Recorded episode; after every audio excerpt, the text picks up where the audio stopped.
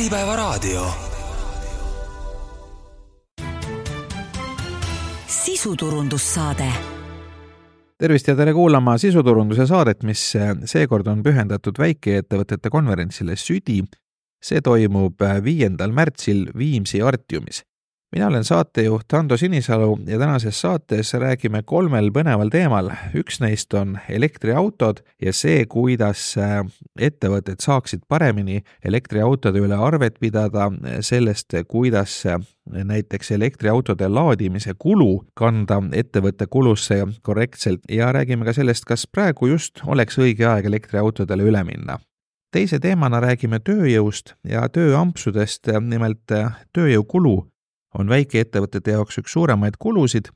ja tööampsude, tööampsajate kasutamine aitab seda kulu hästi kontrolli all hoida. ja kolmanda teemana räägime sellest, milliseid uusi ärivõimalusi pakub peagi valmiv Rail Baltica. head kuulamist! Alan Vaht Alexelast, väikeettevõtjad mõtlevad, et kas praegu nüüd, kaks tuhat kakskümmend neli aasta algus, oleks sobiv aeg vahetada välja oma sisepõlemismootoriga autopark või, või ka üks auto elektriauto vastu, et kas praegu on see aeg käes või tasuks veel oodata?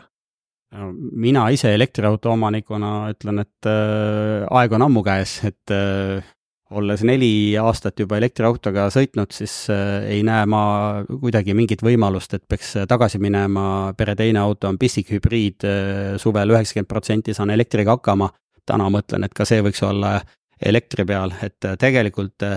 eks igaüks peab ise hindama, millal on tema see õige aeg, aga siin neid mõjutajaid, mis panevad ettevõtteid mõtlema, et et, et millal nüüd kellegi see õige aeg on, neid mõjutajaid on siin mitu. võtame Eh, kes sõidab diisliga, meil siin järgmisel neljal aastal tõuseb diisli eh, aktsiis. Eh, meil kahe tuhande kahekümne seitsmendal aastal rakendub fossiilsete kütuste tarbimisele CO kahe maks. järgmisel aastal tõuseb või mitte ei tõuse, vaid rakendub siis automaks, mis on kuum teema nii registreerimisel kui omamisel ehk et me võime tegelikult äh, väga lihtsalt avastada, võttes täna viieaastasesse liisingusse endale auto äh, ja kui nüüd need momendid kõik päriselt kätte jõuavad ja ettevõtted hakkavad tajuma, et äh, et fossiilse auto omamiskulud lähevad suureks, siis võib juhtuda see, et kahe tuhande kahekümne seitsmendal või kaheksandal aastal või viie aasta pärast, kui liising lõpeb, et kellele sa selle auto maha müüd, võib juhtuda, et kui inimesed tajuvad, saavad aru, siis hakatakse eelistama elektriautot ja võib täitsa sattuda olukorda, kus äh, fossiilse, äh, fossiilset kütust tarbivat autot on võib-olla keeruline maha müüa, pluss üks moment on veel siin, suurettevõtted, kellele rakendub ESG, mis paneb, see ongi siis nüüd sellel aastal, kakskümmend neli aasta majandusaasta aruande tegemisel, järgmisel aastal, peab aastaaruanne sisaldama ka siis jätkusuutlikkuse raportit, äh, ehk et äh, kui palju on ettevõte panustanud sellesse, et omaenda tegevuse CO2 jalajälge vähendada. Ja me kõik hakkame sellest tegelikult, äh, saame nii-öelda mõjutatud, ka väikeettevõtted, kellele seda rakend-, seda kohustust ei rakendu, suurettevõtted hakkavad esitama oma nõudeid väikeettevõtetele või oma tarnijatele, oma partneritele, et kuidas sina panustad oma CO2 jalajälje vähendamise vähendamisesse, seega tulemas on väga palju erinevaid äh, mõjutajaid, äh, millele me täna veel ei oska mõelda, aga see kõik jõuab kohe-kohe kätte, seega ma ütleks, et täna on viimane aeg mõelda sellele, et äh, võtta kas või esimene auto prooviks ja, ja see, kes on esimese auto juba prooviks võtnud, elu on näidanud, et väga kiirelt tahetakse üle minna kogu autopargiga elektri peale no ettevõttes äh, vanamoodi sisepõlemismootori autodega majandades äh, on üks igavene tüli nende kütusetšekkidega, et, äh, et osad on töösõidud, osad on erasõidud, osas kütust kompenseeritakse, aga nüüd elektriautodega on see veel keerulisem selles mõttes, et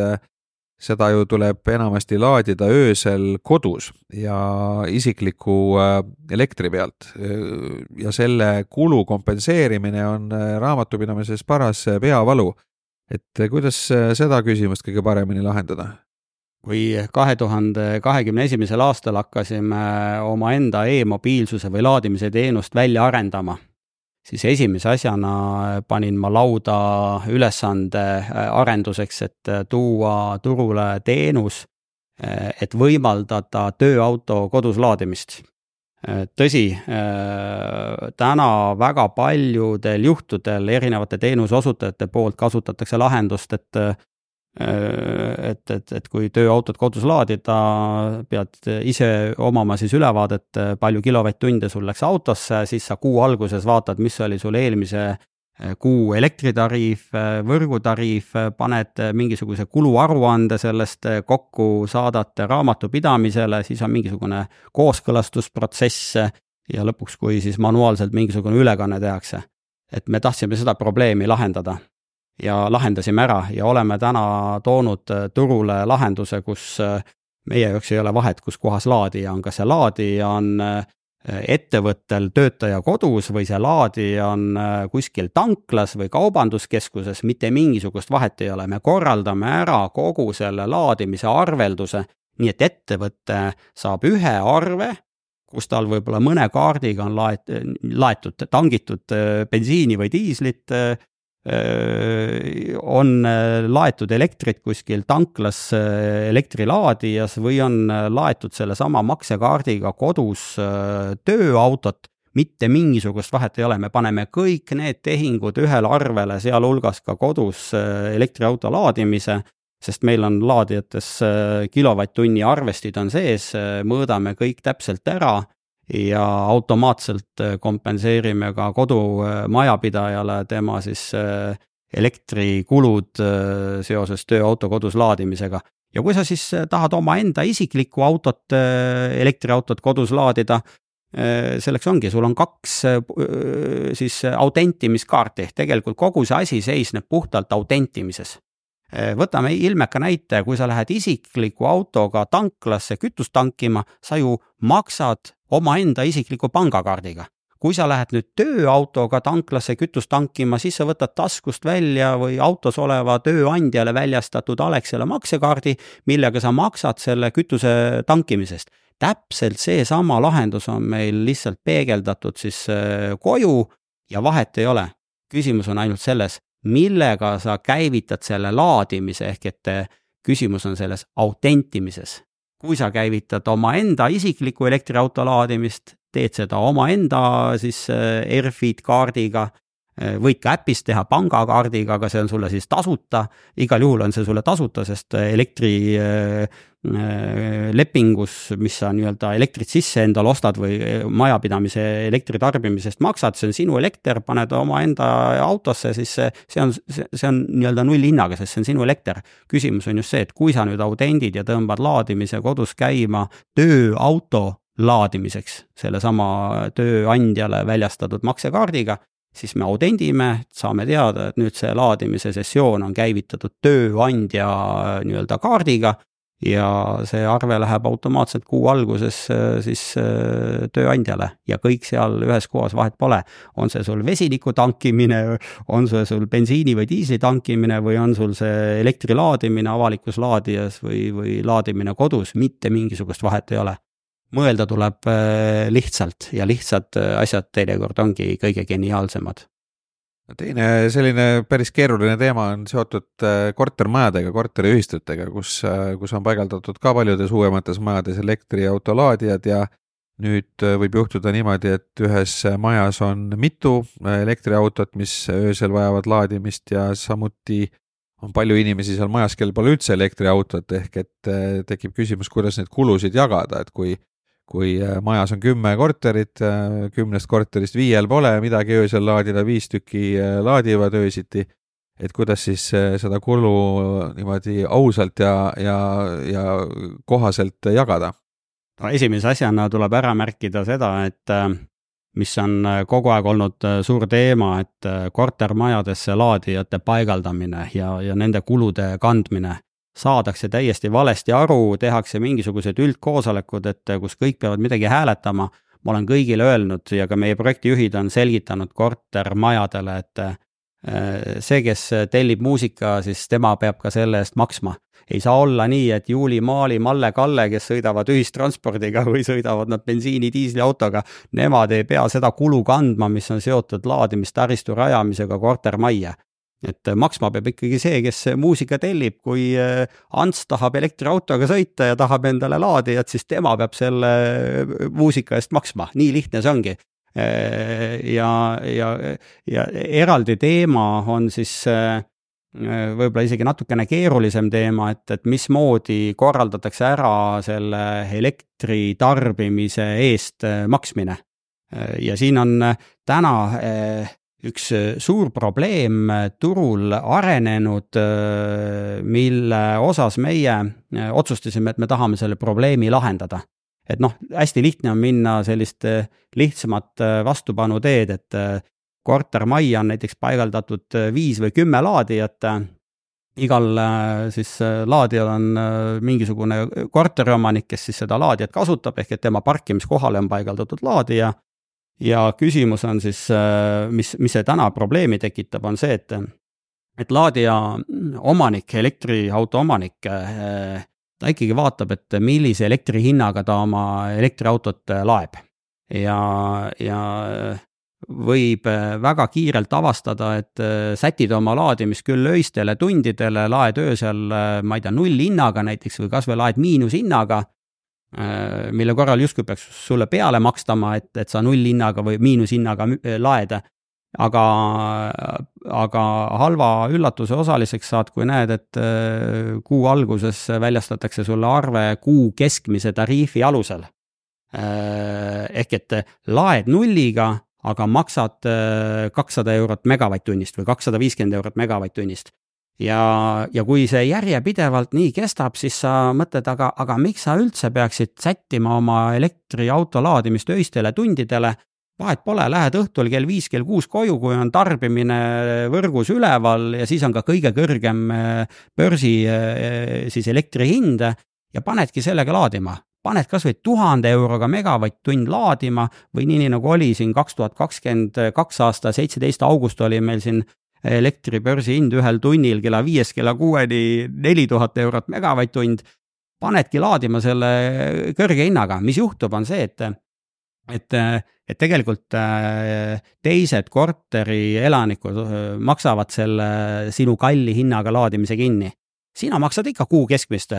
aga laadides nüüd mingil tunnil neli tuhat eurot megavatt-tund, sa panustad sellesse, et selle kortermaja siis keskmine kuutariif läheks kõrgemale ja, ja täpselt samamoodi, kui sa nüüd laed nullihinnaga, siis sa panustad sinna, et Juuli, Maali, Malle, Kalle, nemad äh, maksavad vähem, sest see keskmine tariif läheb alla. ehk et laadija omanik sellesama, et, et, et saadetakse see, see, mis on täna välja kujunenud, et saadetakse mingisugune raport, haldur paneb siis, äh, majahaldur paneb selle siis korterite arvetele, kelle, kes laadijat omavad, ehk et see ei ole õige lahendus. ja meie lahendus on äh, siis selline, kus me selle probleemi oleme juba eos ära lahendanud puhtalt sellega, et Alexela elektrilepinguga klient, kui see kortermaja ostab elektri Alexelalt, siis me näitame arve peal öist tariifi ja päevast tariifi eraldi. aga see ei ole ka veel tegelikult lahendus. me oleme siin äh, täna arendamas ja, ja selle aasta teises kvartalis tahame sellega välja tulla, et äh, laadijatest tarbitud elektriarvestus käibki tunnipõhiselt. Äh, seega kui sa laed nelja tuhande euroga mega, siis see laadija omanik päriselt ka maksab neli tuhat eurot mega. aga see paneb siis juba, eks ole, eh, seda elektriauto omanikku liigutama, sa ei taha ju nelja tuhande euroga mega laadida. lükkadki edasi eh, madalatele tundidele, laed eh, kas või miinushinnaga ja maksamegi sulle raha selle eest, et sa miinushinnaga laed ja, ja, ja kui sa laed kümne euroga mega, siis me täpselt selle hinnaga, millega sa laadisid, selle hinna kompenseerime ka siis sellele äh, kortermajale. Äh, seega kõik on võidus, elektriauto omanik on võidus, ta saab laadida soodsalt, ei pea maksma kuu keskmist tariifi. Juuli, Maali, Malle, Kalle on õnnelikud, sest sa ei tõsta nende tariifi ülesse ja haldur on ka õnnelik, ta ei pea olema seal äh, kahe heinakuhja vahel ja lahendama seda probleemi elektriauto omanike ja siis Juuli-Maali Kalle vahel. väga lihtne lahendus. niimoodi rääkis äh, Alan Vaht, Alexela e-mobiilsuse juht ja vahetame nüüd teemat ja räägime teisest väikeettevõtjatele väga olulisest asjast, nimelt tööjõust ja sellest, kuidas tööjõukulusid võimalikult optimaalselt majandada. GoWorkibiti asutaja ja juht Kristjan Vanaselja, et äh, võib-olla kõigepealt äh, selgituseks, et mida see tööampsude äri üldse tähendab ja kui palju neid tööampse täna teie platvormi kaudu pakutakse ja mis töid üldse tööampsu kaudu teha saab, et andke palun selline äh, väike taustaülevaade selle valdkonna kohta. no GoWorkibit on nüüd äh, kümne aasta jooksul äh, vahendanud, ma ei tea, sadu tuhandeid tööampse, küll pikemaid, küll lühemaid, küll lihtsamatele töödele, küll keerulisematele töödele. Ja lühidalt öeldes GoWorkibiti eesmärk on aidata ettevõtetel õigel ajahetkel leida endale sobivad inimesed keda nad saaksid just konkreetse töö jaoks konkreetsel ajal lühema või pikemaajaliselt kasutada ja teiselt poolt pakkuda siis inimestele suuremat vabadust ja võimalust ise otsustada ja valida, kus, millal ja mida nad teevad ja oma teiste muude tegemiste kõrvalt siis, siis tegelikult oma tööelu paremini korraldada. no mis laadi töid tööampsu kaudu üldse, kui me vaatame ettevõtja vaatest, et mis laadi töötajaid selle eh, tööampsu platvormi kaudu üldse endale võimalik palgata on? no neid ettevõtte profiile, kes GoWorkibiti teenuseid kasutavad, on, on tegelikult väga palju, väga palju erinevaid ja nende võib-olla sellised hingesopis olevad vajadused nendel ettevõtetel ka väga palju erinevad. on neid, kes soovivadki aasta ringi saada oma tööjõu planeerimisel, töötajate leidmisel töötajate hoidmisel suuremat paindlikkust ja on neid, äh, kes tulevad meie juurde väga konkreetse ühe kindla soovi projektiga, et meil on vaja nüüd sellel ajahetkel mingi konkreetne töö ära teha ja selleks oleks meil vaja leida just selle töö jaoks kõige sobilikum inimene. Äh, viimast sellist nii-öelda võib-olla natukene ka spetsiifilisemat või, või lühem, lühemaajalist tööd või projektipõhisemat tööd kasutavadki enamasti sellised väiksema keskmise suurusega ettevõtted, kellel eh, enda meeskonnas ei pruugi alati igale tööle ja igale rollile olla kas siis sobivat spetsialisti või teisalt ei ole neil ka mõistlik endale püsivalt äh, iga töö jaoks äh, inimest sisse värvata, sest äh, see, see töö on selline, mis võib tulla, aga võib ühel hetkel ka ära lõppeda no tegelikult väike ettevõtte jaoks, noh, oletame, et ettevõttes on seal, ma ei tea, kolm, viis, seitse töötajat. et iga uue töötaja tööle võtmine on selle ette, ettevõtte jaoks päris suur äririsk, sest palgakulud on üsna suured. Ja, ja juhul, kui see töötaja ennast ei õigusta või siis see ärisuund, mida, mida selle uue töötajaga proovitakse arendada, ei õnnestu, siis tegelikult Eh, kulub ikkagi päris eh, suur hulk selle ettevõtte raha ja, ja kõige halvemal juhul võib see isegi eh, ettevõtte pankrotti viia nüüd. tööamps võimaldab seda, et on võimalik proovida riskivabalt lühikest aega, kas see, lisatöö ikkagi on püsiv, kas see ärisuund, kuhu seda inimest võeti, on jätkusuutlik ja ja seejärel otsustada, et kas, kas vajada, vajada, ettevõte vajab püsivat töötajat või mitte, et et siin tekib küsimus, et kas, kas see tööampsu keskkond võiks olla ka niisugune, kust nagu endale, ma ei tea, katseajaga prooviperioodiks kedagi võtta ja hiljem see inimene endale teist kohaga tööle võtta, et kas te, te näete seda võimalust ette või on see nagu pigem teie reeglite rikkumine, sest te ju olete vahendaja, te ka soovite teenida selle pealt, et, et kas nüüd, nüüd see lähenemine on teie jaoks okei okay?? ma olen sinuga täiesti nõus, et äh,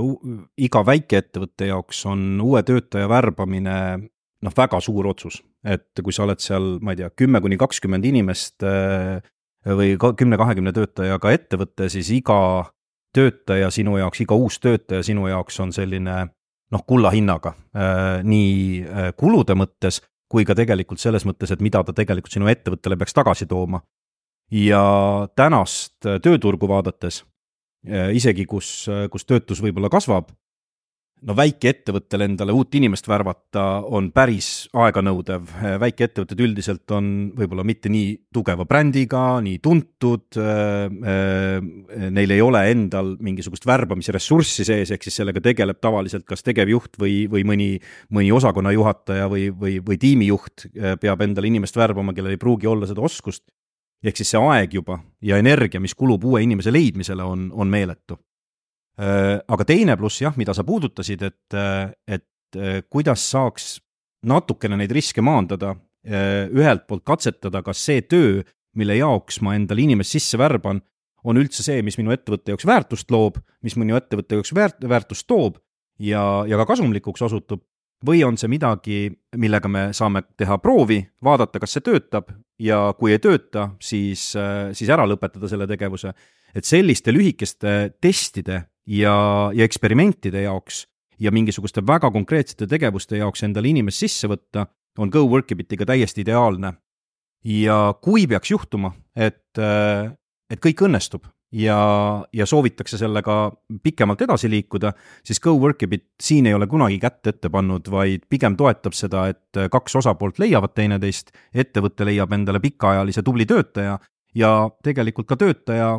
leiab endale hea äh, töökoha, kus ta, kus ta tahab pikemalt pühenduda. kas GoWorkabit annab ka mingisuguse garantii, et kui näiteks see, see inimene, keda värvati teie platvormi kaudu, on täiesti sobimatu, noh, nii-öelda keerab mingisuguse käki kokku sõna otseses mõttes, et kas, kas te kuidagimoodi vastutate ka selle eest? üha rohkem ja rohkem me tegelikult tunnetame endal seda, seda vastutust ja, ja, ja GoWorkabit ju oma olemuselt on usalduse äri. Äh, et äh, oluline ei ole see, et äh, GoWorkibiti kaudu leida keegi, vaid oluline on see, et leida GoWorkibiti kaudu just see õige inimene, kes selle töö ka ära teeb. ja, ja algusest peale tegelikult oleme me seadnud endale ka ühe nii-öelda printsiibi või eesmärgi, kui me kümme aastat tagasi alustasime, et, äh, et juhul, kui äh, klient ei ole saadud tulemusega rahul, siis, siis GoWorkibit selle eest ka arvet ei esita ja, ja meie ülesanne on siis töötajaga äh, läbi rääkida ja vestelda ja tihti juhtub ka seda, et, äh, et me võtamegi selle vastutuse enda hooleks, maksame töötajale mingisuguse summa selle, selle panustatud aja eest välja, aga kliendile arvet ei esita. kui nüüd keeratakse kokku mingisugune suurem äh, jama, siis äh,, siis on ka meie poolt olemas äh, selline rahaline garantii iga konkreetse juhtumi puhul äh, kuni tuhande euro ulatuses me oleme valmis vast-, vastutust enda hooleks võtma. see on võib-olla just sellistel puhkudel, kus on äh, ma ei tea, kindlustatud seadmed või, või, või, või, või mingisugused sellised äh, töövahendid, millega, mille võib näiteks tööampse kogemata ära lõhkuda, et siis on meie poolt ka teatud, kas siis omaosalus kindlustusjuhtumite puhul või katta siis selle, selle tekitatud kahju ulatus ja kuni tuhande euro ulatuses jah, me oleme valmis seda vastutust kandma nüüd äh, need äh, töötajad, äh, kes seal platvormil on, et, et nende, neil on ka seal mõnel juhul või isegi kõikidel juhtudel need reitingud nagu praegu igal pool, alates Bolti taksodest lõpetades ööbimiskohtadega on, et, et kasutajad saavad anda hinded, et et kui adekvaatne see süsteem on, et kui kellelgi on seal maksimumtärnid, kas see tähendab seda, et tegemist on tõepoolest hea töötajaga või on seda võimalik kuidagimoodi ka seal mõjutada või, või häkkida seda süsteemi? otseselt häkkida seda reitingute süsteemi ja antud tagasisidesid ei ole. aga me alati julgustame kliente enne lõpliku otsuse tegemist ka, ka kandidaatidega suhtlema äh,. iga töö on tegelikult spetsiifiline äh,, iga klient on oma ootustes äh, äh, erinev ja hea oleks, kui iga ettevõte leiaks just neile nii väärtustepõhiselt kui ka selle töö tegemise ja tööoskuse ja kogemuse baasilt nagu kõige sobivama inimese. ja, ja siin me oleme alati valmis ka ise oma kliendi toega appi tulema, et, et aidata välja selgitada, kes nendest inimestest on sobilik. ehk siis GoWorkibit tegelikult ei ole ainult selline anonüümne platvorm, kus sa pead silmad kinni, kas siis reitingute või, või tagasiside järgi öö, eh, otsuseid tegema, vaid ta toob sulle kiiresti hulga kandidaate ja me oleme valmis seal igal sammul ka ettevõtet äh, toetama, et leida just talle sobilik inimene no mul on endal kogemus andmesisestaja tööga ja, ja tegelikult üllatuslikult neid kandidaate tuli ikka väga palju. et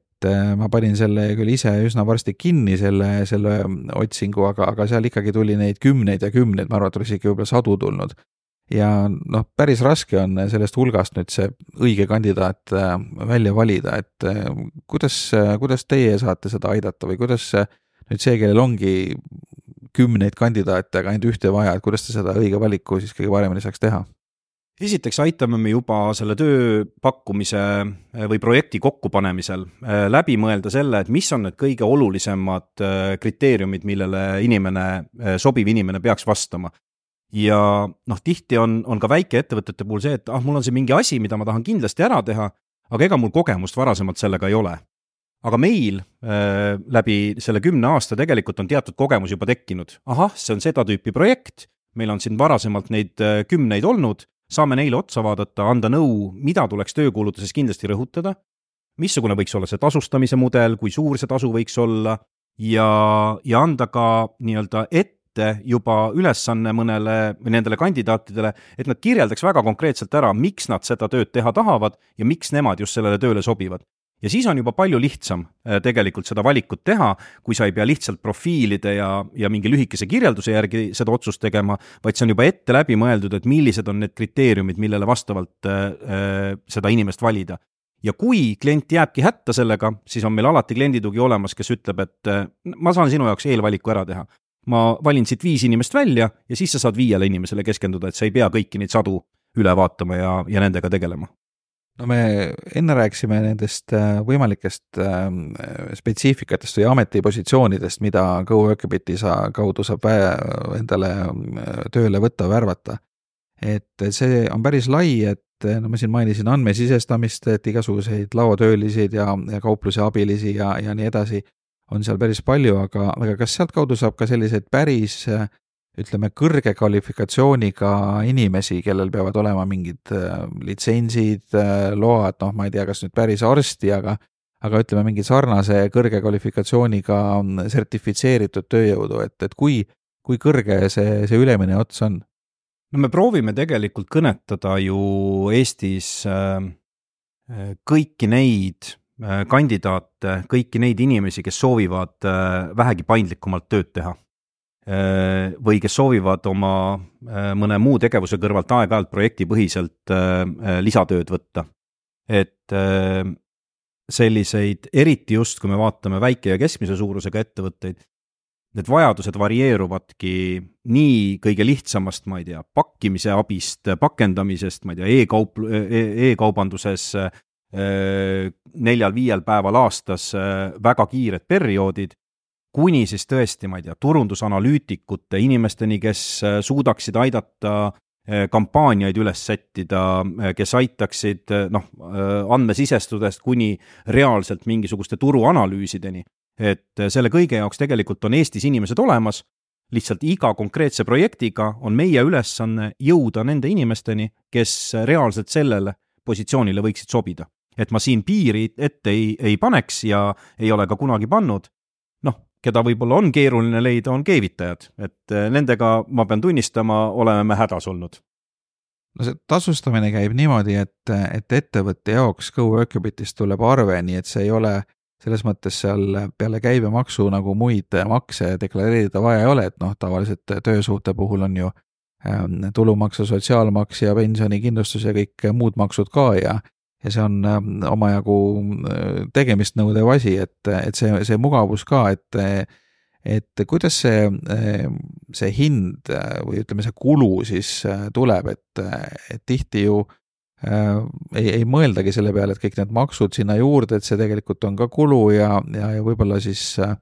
mõni ettevõte üritab ka kuidagimoodi nihverdada mingisuguste ümbrikupalkade või, või autorilepingutega või mis need võimalused kõik siin on. et et kuidas sa seda kommenteerid, et, et kui, kui soodne või mittesoodne siis on teie kaudu see töötaja värvata ja maksta siis teile teenuse eest, mitte eraldi neid tööjõumakse arvutades ja makstes? võib-olla kõige olulisem GoWorkibiti puhul on see, et äh, sa ei maksa tühja aja eest, vaid sa maksad reaalselt ainult saadud tulemuse või tehtud töö eest. on see siis konkreetne töötund, mis on vaja kuskil ära teha, on see konkreetne projekt, mis on vaja algusest lõpuni ellu viia ja, ja siis selle tulemuse eest maksta, on see mõni tükipõhine töö, kus sul on võimalik ühe tüki kaupa äh, äh, maksta ja kus sul on väga selgelt võimalik ära mõõta, et mitu tükki tehti, siis äh,, siis ma arvan, et see on see, mis annab tegelikult efektiivsuse ja, ja kokkuhoiu ka ettevõtte jaoks. et sa juhendad kiiresti ära, annad töö kätte ja reaalselt, kui see töö on tehtud, siis sa saadki maksta ainult töö eest, mitte sa ei pea seal äh, täiendavalt äh, äh, inimesega, mida sa oma töötajaga tegelikult nagu teeksid, eks ju, toimetama. ja GoWorkibit võtab siin kogu vastutuse siis nii-öelda selle maksude tasumise ja, ja, ja palgaarvestuse eest enda peale, et meie GoWorkibitis ei otsi seda lahendust, et kuidas me saaksime maksudest kõrvale hiilida, vaid me tegelikult iga töö, töö eest maksame ka töötaja eest siis ära tulumaksu ja sotsmaksu jah, see lisandub ka sellele kliendi arvele ja sellele lisaks siis tuleb meie pisikene teenustasu äh, nende inimeste leidmise ja haldamise eest. niimoodi rääkis Go Workabiti juht ja asutaja Kristjan Vanaselja ja see saade on pühendatud väikeettevõtete konverentsile Südi, mis toimub viiendal märtsil Viimsi Artiumis ja seal saab kuulata kahteteist erinevat töötuba väga erinevatel väikeettevõtlust puudutavatel teemadel, alustades maksudest ja finantseerimisest ja lõpetades elektriautode, tööjõu ja paljude teiste oluliste asjadega. Ja lisaks äh, toimub äh, südi raames ka Eesti Väikeettevõtete Assotsiatsiooni EVEA gala, mille käigus äh, autasustatakse eelmise aasta kõige tublimaid ettevõtjaid. teeme siin saatesse väikese pausi ja saate teises pooles räägime Rail Balticust ja sellest, milliseid ärivõimalusi Rail Baltica ettevõtjatele pakub. äripäeva raadio sisuturundussaade.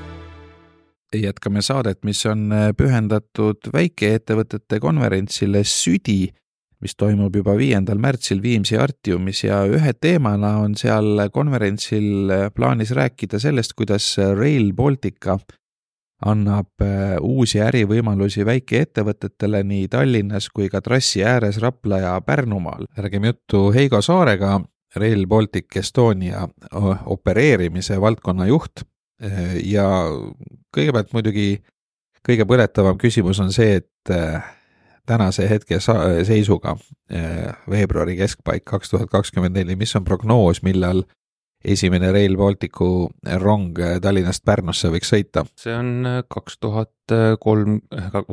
kaks tuhat kolmkümmend aasta siis teine pool kus me siis alustame raudtee mõistes uue liiklusgraafiku perioodiga ja täna kõik, tänane progress annab alust arvata, et ka rong siis Ülemistest väljub. ja kui kaua läheb aega, kui rong kell kaksteist päeval Ülemistest väljub, siis mis kell ta Pärnus on? noh, Pärnus ta peaks enne, enne ühte olema, nii et äh, me räägime siin nelikümmend viis kuni viiskümmend minutit sellist äh, mõnusat sõiduaega. no see on nagu enam-vähem sama pikk sõiduaeg kui, äh, kui Tallinna äärelinnadest kesklinna, nii et et see tähendab seda, et inimesed, kes võib-olla täna sõidavad kusagilt Tabasalust või Viimsist kesklinna, sama ajakuluga saaks siis hakata Pärnust näiteks Ülemiste linnakus tööl käima. Et äh, te olete ilmselt seda ka prognoosinud, et kui palju see mõjutab sellist äh, inimeste elu ja kas see tähendab seda, et täiesti reaalseks muutub äh, elada Pärnus, Raplas ja igapäevaselt Tallinnas tööl käia ja ja kuidas, kuidas see täpsemalt võiks hakata välja nägema, et kas, kas te olete planeerinud näiteks seda nii-öelda mikromobiilsust ka koha peal, arvestades seda elustiili muutust ja, ja milline see, see prognoos või, või see, see tulevik aastal kaks tuhat kolmkümmend selles osas võiks, võiks välja näha? no see tulevik äh, meie silmis on äh, raudteekeskne ja see, kuhu meie siis teravik suunatud on, on tegelikult äh, need reisijad, kui me räägime reisijatest, kes täna sõidavad sõiduautodes ja kes tegelikult suurem osa siis sellisest keskkonna jalajäljest ja CO2 emissioonist äh, meie transpordisektoris annab. Et siin ka värske Rohetiigri initsiatiiv ja niisugune transpordikaart on äh, koostatud, et kindlasti tasub asjahuvilistel äh, sellega tutvuda. ehk siis sõiduautost tahame saada inimese rongi ja Rail Balticuna me tuleme nii-öelda täiesti uue teenusega, mis aegruumilist vahemaad meil Eesti riigisiseselt oluliselt muudab ja siin peangi silmas Tallinn-Pärnu vahelist sõitu, siis, siis see kindlasti avab uued võimalused nii igapäeva tööl käimisele, aga samas ka vaba aja veetmisele, sest et liigutakse ka ju muudel põhjustel, mitte ainult tööl käimiseks, et, et seetõttu on need äärmiselt olulised nii-öelda maamärgid, Ülemiste terminal ja ka Pärnu reisiterminal, kus siis saab kõik see alguse. ja meie nii-öelda siis taristu arendajana loome selle võimaluse ja siin on kindlasti nii-öelda see ettevalmistus tegelikult väga asjakohane juba täna Äh, erinevate sektori esindajatel ja ettevõtetel hakata mõtlema, et mis siis äkki, äkki juhtubki nii, et raudtee saab valmis ja kas me kõik oleme selleks ikka päriselt valmis. Et äh, kui mõelda nüüd äh, nii turismiettevõtteid, ühistransporti, noh, kõikvõimalikke erinevaid valdkondi, mis ühel või teisel viisil, mis ühel või teisel viisil, mis põhjustab selle inimese siis kohaloleku meie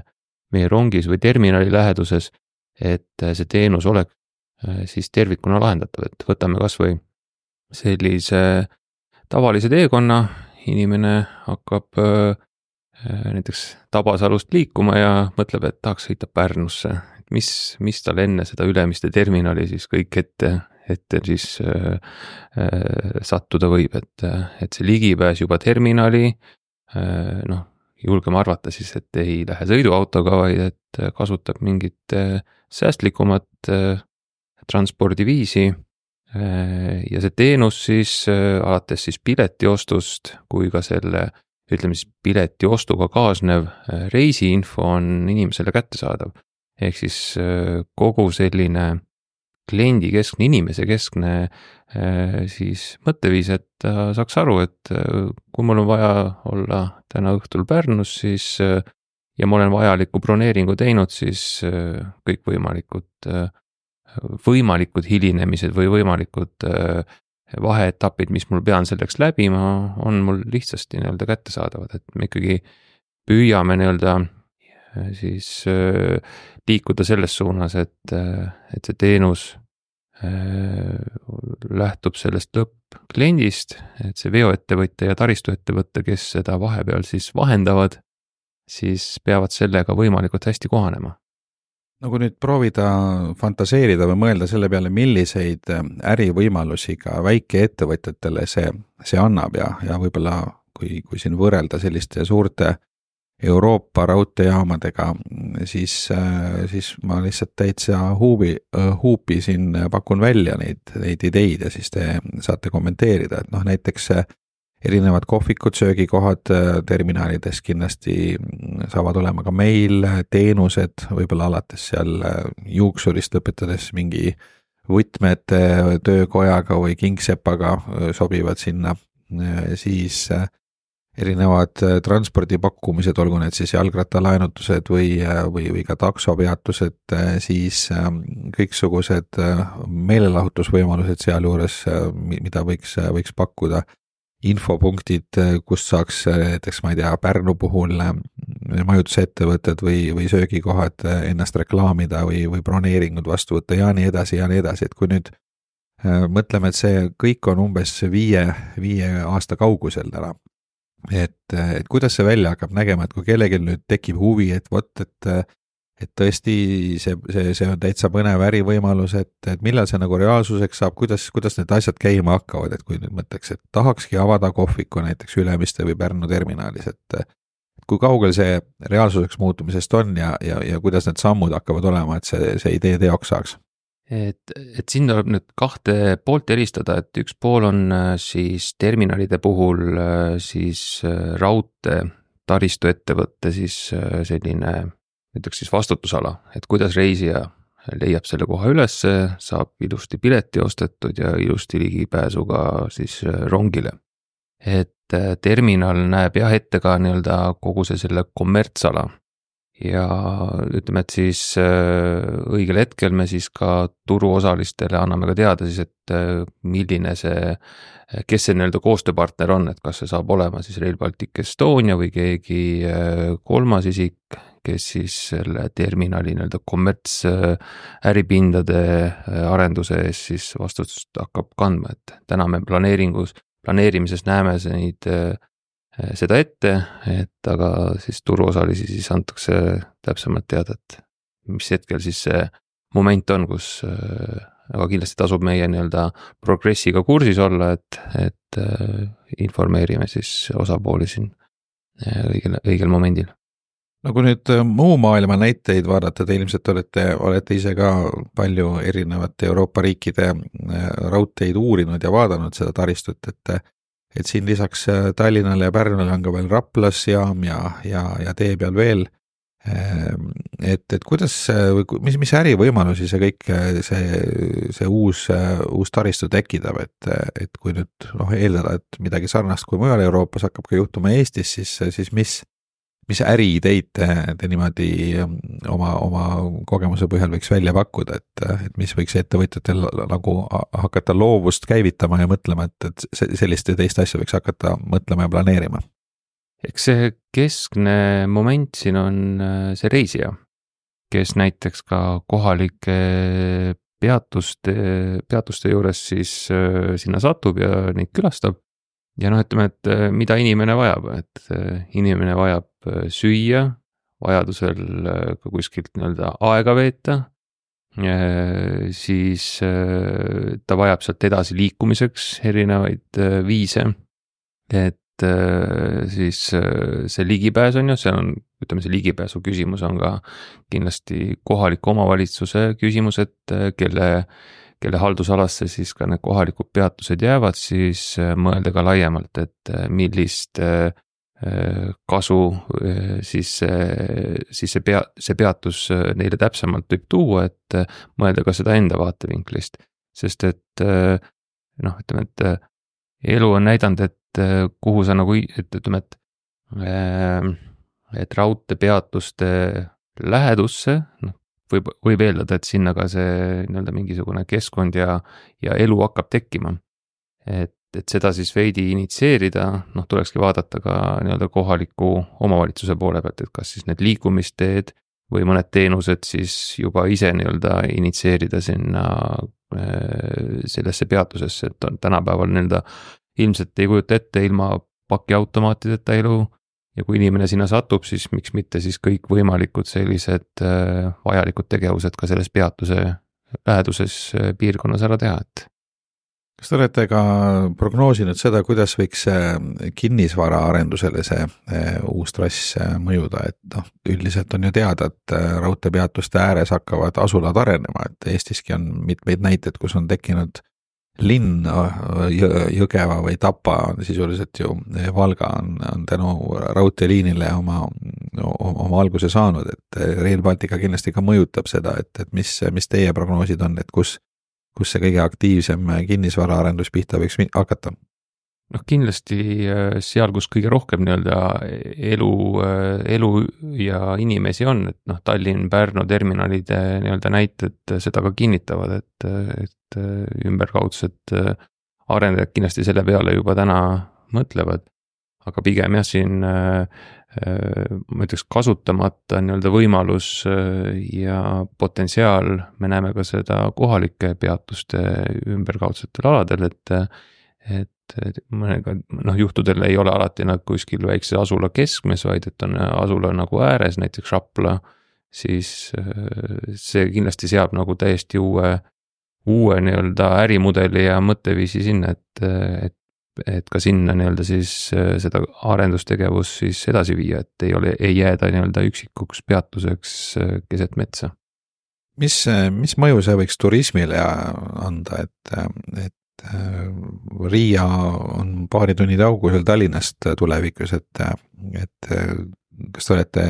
proovinud hinnata ka seda, et kui palju äh, näiteks äh, lõuna poolt meile võiks tänu Rail Balticule hakata turiste tulema? Just nimelt, et noh, kindlasti nii-öelda Balti, Balti sõprusele see see trass oma mõju, mõju avaldab, sest et Riia linn on on sisuliselt poole lähemal, kui ta täna meile on, et ajaliselt, et, et see kindlasti nii-öelda Baltikumi sisest liikumist, tööreise ja turismireise kasvatab, et, et siin ka hiljaaegu osalesin huvitaval konverentsil Green Destinations ja ja tegelikult turismiettevõtted samamoodi väga ootavad seda reisijat, keda siis